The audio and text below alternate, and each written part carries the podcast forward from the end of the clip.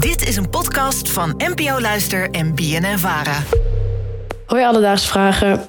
Ik zat laatst in het vliegtuig en toen dacht ik bij mezelf: waarom is de lucht eigenlijk blauw? Hoezo is het geen andere kleur zoals groen of geel of rood? Waarom is het specifiek blauw? Alledaagse vragen. NPO Luister. Dankjewel Lisette uit Os voor je vraag.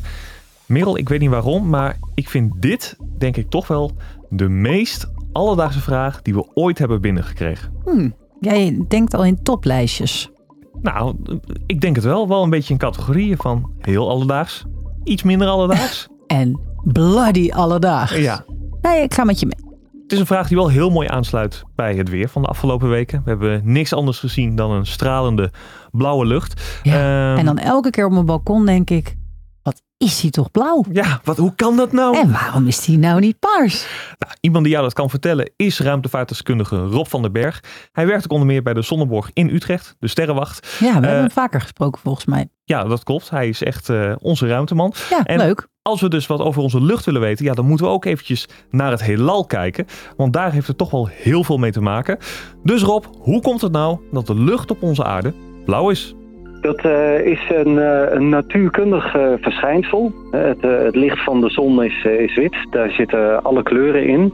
En op het moment dat het zonlicht door de atmosfeer gaat, dan wordt het blauwe licht, wordt, wat ze dan zeggen, heel erg verstrooid. Dat eh, weerkaatst eh, alle kanten uit eh, door de luchtmoleculen.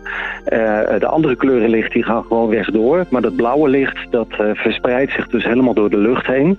En daardoor zie je de lucht blauw. En dat, dat gebeurt eigenlijk ook met water. Dus mooie schone zee is om dezelfde reden dus ook blauw. Dus dat komt door de verstrooiing van, van het witte licht en dan van de blauwe kleur. Dus de ozonlaag breekt eigenlijk een soort van dat witte licht in verschillende stukjes. Is dat net zoals dat je bij een prisma ziet?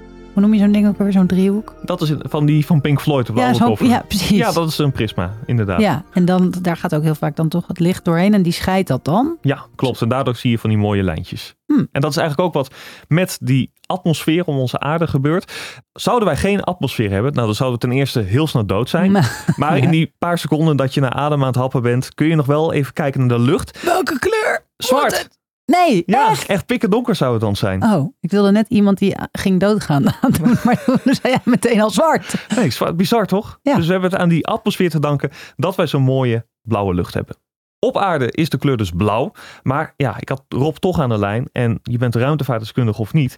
Ik was ook heel erg benieuwd. Hoe zit het nou op andere planeten? Jupiter. Ja, of Mars of Venus. Venus. Wow, dat was echt...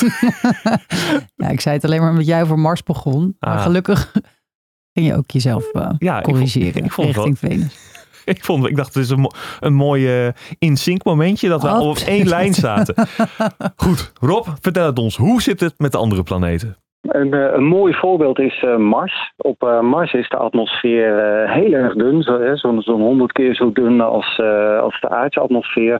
Dus voordat we ooit wagentjes met camera's op Mars hadden, dachten we ook omdat die lucht zo dun is, dan is, is het ook heel erg donker. Dus dan is de lucht bijna zwart, maar dat beetje lucht, dat verspreidt ook het blauwe licht. En dan krijg je een soort paarse, donkere paarse lucht. Dat was de gedachte. Maar toen we voor het eerst eh, wagens met camera's op Mars hadden, toen zagen we dat de lucht eh, oranje was op Mars. En dat oranje dat kwam omdat eh, Mars, de rode planeet, dat stof van de oppervlakte, dat zit in de atmosfeer van Mars. En dat rode stof zorgt ervoor dat de atmosfeer op Mars, de lucht op Mars, er oranje uitziet. En dat kan dus ook op andere planeten. Planeten waar een atmosfeer is, daar heb je altijd dat natuurkundige verschijnsel dat dat blauwe licht verstrooid wordt. En je dus in principe een blauwe lucht Maar als er bepaalde gassen in zitten die kleuren hebben, of er zit stof van het oppervlakte in de atmosfeer, dan eh, kan dat eh, de lucht eh, op een andere manier verkleuren. Maar dat heeft dus niks met de lucht zelf te maken, maar ja, met de stofdeeltjes of zo in de lucht zitten, die dan eventueel de atmosfeer een andere kleur zouden kunnen geven. Ja, je had laatst ook in New York toch, door die bosbranden in Canada, dat het ineens een soort gekke sepia warzone leek. Er was toen, eh, wat ik me heel goed herinner, is zo'n nieuwe game uit, Diablo. En die had een advertentie met de slogan Welcome to Hell. En die hing in New York op dat moment. Goeie timing. Zeker, wel een reclame.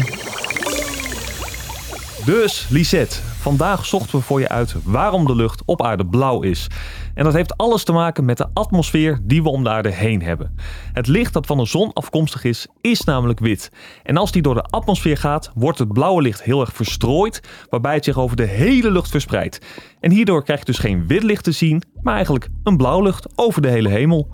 Heb jij ook een vraag? Stuur een standaardberichtje op Instagram. Dat kan naar Alledaagse Vragen. Maar je kan ook mailen naar alledaagsvragen.bnnvara.nl en dan zoek het voor je uit.